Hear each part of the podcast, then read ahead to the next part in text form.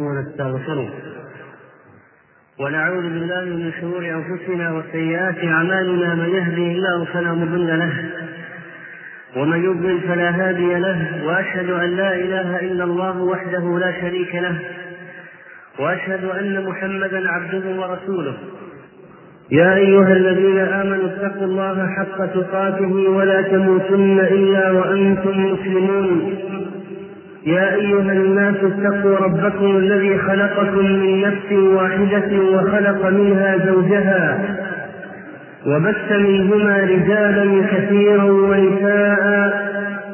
واتقوا الله الذي تساءلون به والأرحام. إن الله كان عليكم رقيبا. يا أيها الذين آمنوا اتقوا الله وقولوا قولا سديدا. يصلح لكم أعمالكم ويغفر لكم ذنوبكم. ومن يطع الله ورسوله فقد فاز فوزا عظيما. أما بعد فإن أصدق الحديث كتاب الله وخير الهدي هدي محمد صلى الله عليه وسلم وشر الأمور محدثاتها وكل محدثة بدعة وكل بدعة ضلالة وكل ضلالة في النار. إخواني لقد ورد عندي السؤال التالي يقول السؤال لقد انتشر في هذا الزمان أمر فظيع وهو ظاهرة إهداء الأغاني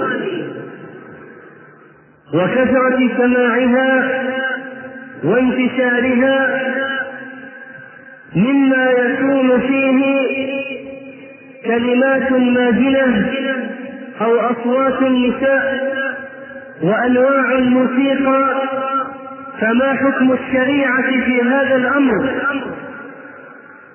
وقد صار أمرا منتشرا وأقبل عليه المراهقون والمراهقات والكبار والصغار. فما الحكم الشرعي في هذه المسألة؟ وقد صارت تبث عبر شبكات الإذاعات الفضائية. انتشار ظاهرة إهداء الأغاني وسماعها. فما هو فما هو الحكم الشرعي في هذه المسألة؟ وأقول يا عباد الله إن هذه من المصائب العظيمة التي عمت في عصرنا. حتى أنك لا تكاد تدخل مكانا أو محلا من المحلات إلا وتبتلى بسماع شيء من ذلك. وقد دخلت الموسيقى في كثير من الأجهزة في الهواتف وغيرها. وصار عدد من الناس في سياراتهم هذه الأشرطة وأقبلوا على الطرب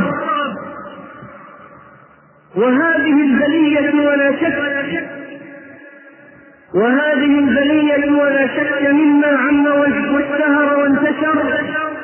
ولا بد أن يعرف المسلم حكم الله ورسوله في هذه القضية. فإن من مكايد عدو الله ومصائده التي كاد بها من قل نصيبه من العلم والعقل والدين وصاد بها قلوب الجاهلين والمبطلين سماع البكاء والتصدية والغناء بالآلات المحرمة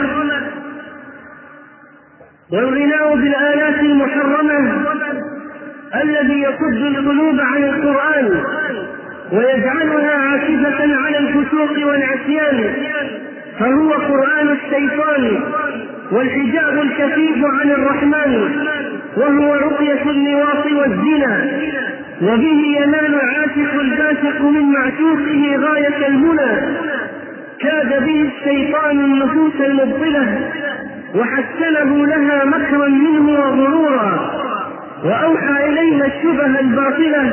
على حكمه فقبلت وحيه واتخذت لأجله القرآن مهجورا فلو رأيتهم عند زيات السماع وقد خشعت منهم الأصوات وهدأت منهم الحركات وعكفت قلوبهم بقلوبهم بكليتها عليه وانصبت انصبابة واحدة إليه فتمايلوا له ولا كتمايل النسوان وتكسروا في حركاتهم ورقصهم أرأيت تكسر النسوان؟ ويحق لهم ذلك. وقد خالط خماره النفوس ففعل فيها أعظم ما يفعله حمي الكؤوس. فلغير الله بل للشيطان قلوب هناك تمزق وأثواب تشقق وأموال في غير طاعة الله تنفق. حتى إذا عمل الشكر فيهم عمله وبلغ الشيطان منهم أمنيته وأمله وبلغ الشيطان منهم أمنيته وأمله واستفزهم بصوته وحيله وأجلب عليهم وأجلب عليهم برجله وخيله وخز في صدورهم وخزا. وأزهم إلى ضرب الأرض بالأقدام أزا فطورا يجعلهم كالحمير حول المدار وتارة كالجبال تسقط وترقص وسط الديار فيا رحمة للسقوف والأرض من دك تلك الأقدام ويا سوءة من أشباه الحمير والأنعام ويا شماتة أعداء الإسلام بالذين يزعمون أنهم خواص الإسلام. وهذا فيه إشارة من العلامة ابن القيم رحمه الله إلى ما دخل به الشيطان على الصوفية في مسألة الرقص والغناء والسماع. فصارت القضية بدعة عند هؤلاء وفسقا عند أهل المجون الذين يسمعون الغناء. فصارت المسألة مشتركة فلا حول ولا قوة إلا بالله. على هذه على هذه الظاهرة السيئة التي عمت وانتشرت. عباد الله لعلنا نستعرض وإياكم شيئا من الأدلة من الكتاب والسنة ثم فتاوى أهل العلم. ليزداد الذين آمنوا إيمانا ويقينا بحرمتها ويكتسبوا من سماع الكلام أدلة يدمغون أهل الباطل في مجالسهم التي يثيرون فيها الشبه حول سماع الأغاني. ويستيقن الذين يسمعونها بحكم الشريعة فيها وتقام عليهم الحجة. فيتوب التائب منهم ويواصل من كتب الله عليه الشقاوة في هذا المشوار ليزداد سواد صحائف أعماله وتكثر سيئاته. ولكن من الواجبات إقامة الحجة على الفسقة الذين يصرون على الباطل. هذا السماع الشيطاني هذا الغناء له في الشريعة بضعة وعشرون بضعة عشر اسما فمن ذلك اللهو واللغو والباطل والزور والمكاء والتصدية ورقية الزنا وقرآن الشيطان ومنبت النفاق في القلب والصوت الأحمق والصوت الفاجر وصوت الشيطان ومزمور الشيطان والسمود. أسماؤه دلت على أوصافه تبا لذي الأسماء والأوصاف. قال الله تعالى ومن الناس من يشتري لهو الحديث. احفظ يا عبد الله الأدلة التي تدل على تحريم الغناء في الكتاب والسنة لتبرزها سيفا مشهرا في وجوه المتلاعبين وفي وفي مجالس العصاة الذين هم على هذه المعصية مصرين قال الله تعالى ومن الناس من يشتري لهو الحديث ليضل عن سبيل الله بغير علم ويتخذها هزوا. أولئك لهم عذاب مهين. وإذا تتلى عليه آياتنا ولى مستكبرا كأن لم يسمعها كأن في أذنيه وقرا. فبشره بعذاب أليم. قال الواحدي رحمه الله وأكثر المفسرين على أن المراد بلهو الحديث الغناء. قاله قاله ابن عباس وقاله عبد الله بن مسعود رضي الله تعالى عنهما. رضي الله تعالى عنهما. قال العلماء أكثر ما جاء في التفسير أن لهو الحديث ها هنا هو الغناء لأنه ينهي عن ذكر الله تعالى. ومن الناس من يشتري لهو الحديث ليضل عن سبيل الله. قال أهل المعاني أهل التفسير ويدخل في هذا كل من اختار اللهو والغناء والمزامير والمعازف على القرآن وإن كان اللفظ قد ورد بالشراء. فلفظ الشراء يذكر في الاستبدال والاختيار وهو كثير في القرآن. وهذه الآية على هذا التفسير تدل على تحريم الغناء. وكذلك وكذلك فقد جاء عن أبي الصهباء رحمه الله قال سألت ابن مسعود عن قوله تعالى ومن الناس من يشتري له الحديث الآية فقال والله الذي لا إله غيره هو الغناء والله الذي لا إله غيره هو الغناء والله الذي لا إله غيره هو الغناء أخرجه ابن جرير وهو حديث حسن. وصح عن ابن عمر رضي الله عنهما أيضا انه الغناء هؤلاء الصحابة الذين شاهدوا تفسيره من الرسول صلى الله عليه وسلم علما وعملا وهم العرب الفصحاء على الحقيقة أولى من يؤخذ بكلامهم في تفسير كتاب الله تعالى. ويوضح ذلك يوضح ذلك يوضح أنه رؤية الزنا أيضا ومنبت النفاق. وشرف الشيطان وخمرة العقل أنك لا تجد أنك لا تجد من عني بالغناء وسماع آلاته إلا وفيه ضلال عن طريق الهدى علما وعملا وفيه رغبة عن استماع القرآن إلى استماع الغناء بحيث إذا عرض له سماع الغناء وسماع القرآن عدل عن هذا إلى ذاك شغل أمامه شريط قرآن وشريط غناء فهو يريد أن يسمع الغناء ويميل إليه وينفر قلبه من سماع القرآن يفضل هذا على ذاك ولا شك.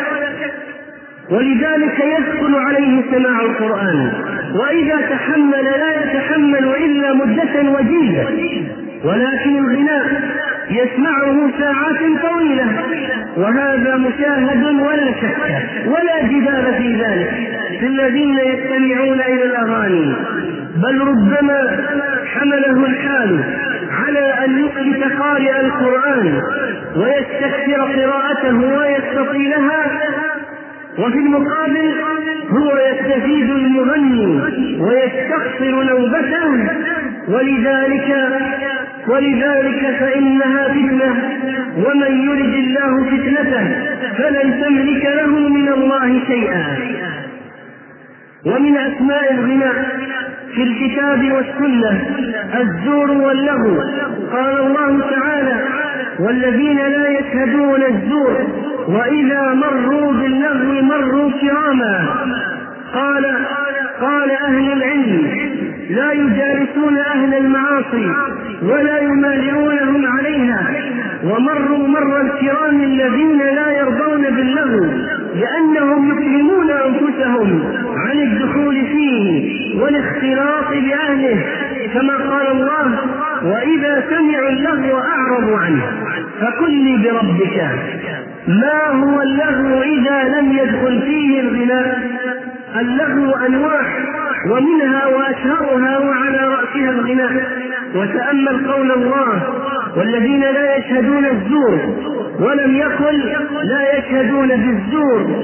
شهادة الزور لها نصوص أخرى الشهادة بالزور. قال الذين لا يشهدون الزور ومعنى يشهدون يعني يحضرون فمدحهم على ترك حضور مجالس الزور. وما هو الزور؟ انواع كثيرة ويطلق عموما على الكلام الباطل.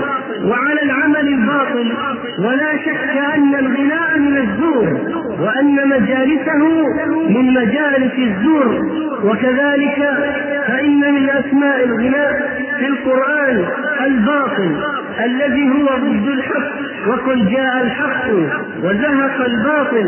إن الباطل كان زهوقا بحيث يعرف صاحب الفطرة السليمة أن الغناء من الباطل. وأن أمره محرم.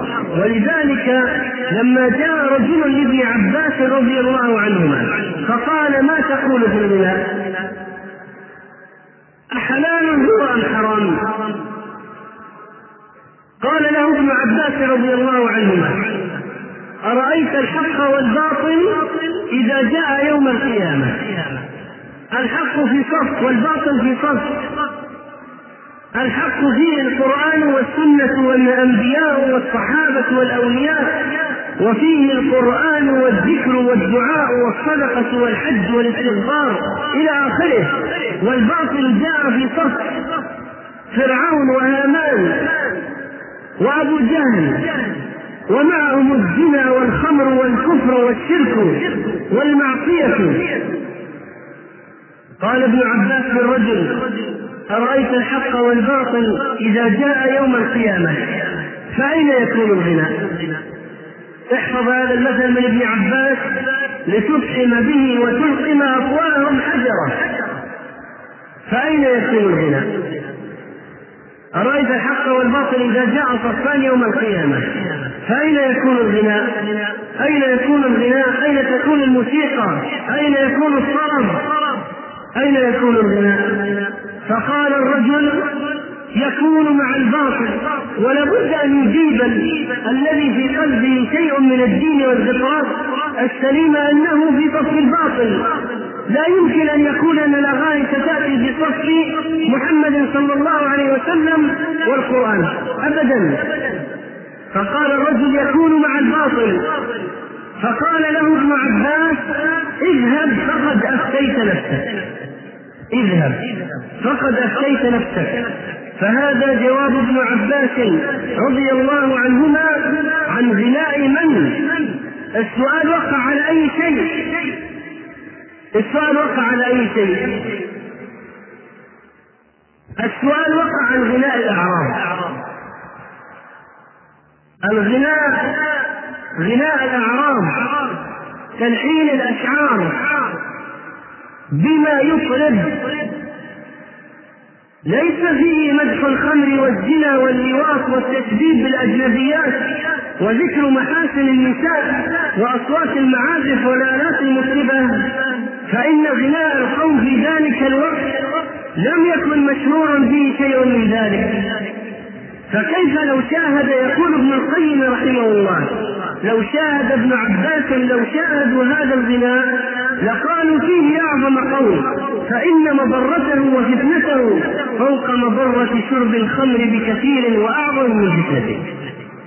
ونحن نقول اليوم فكيف لو شاهد العلماء الذين تكلموا في حكمه في الماضي كيف لو شاهدوا تطور الغناء في هذا الزمان؟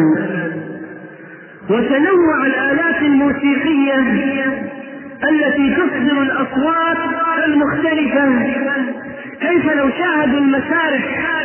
في الهواء الطلق كيف لو شاهدوا مهرجانات الأغاني المنتشرة وتباع التذاكر بكذا وكذا ثم يقولون نفذ التذاكر المغني الفلاني قبل وصوله إلى البلد الفلانية بأسبوع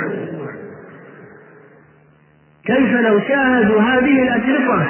كانوا يتكلمون يقولون إن إحضار القينة إلى المجلس لتغني القوم أو إحضار المطرب ليغني القوم كذا وكذا. فكيف لو شاهدوا انتشارها بالأشرطة وسماعها في سائر القنوات وإهداءها وإهداءها يا عباد الله كيف لو شاهدوا ذلك؟ ماذا كانوا سيقولون؟ هذا يهدي لخطيبته وهذا يهدي لحبيبته وعشيقته وهذا يهدي لبنات ثانوية البنات. وهذا يهدي لمقدمة البرنامج الفاسقة الداعرة. وهذا يهدي وهذا يهدي من أطراف الأرض. ما كفتهم الأرض ملأوها بفسقهم حتى صعد الفسق إلى السماء في القنوات الفضائية التي تعج بأمواج الأغاني يمينا وشمالا. بارزوا الله بالمعصية على الأرض وفي الفضاء. وملائكته نازلة صاعدة. وأوامره نازلة سبحانه وتعالى من السماء. وهذه الأمواج بالأغاني تسرح يمينا وشمالا.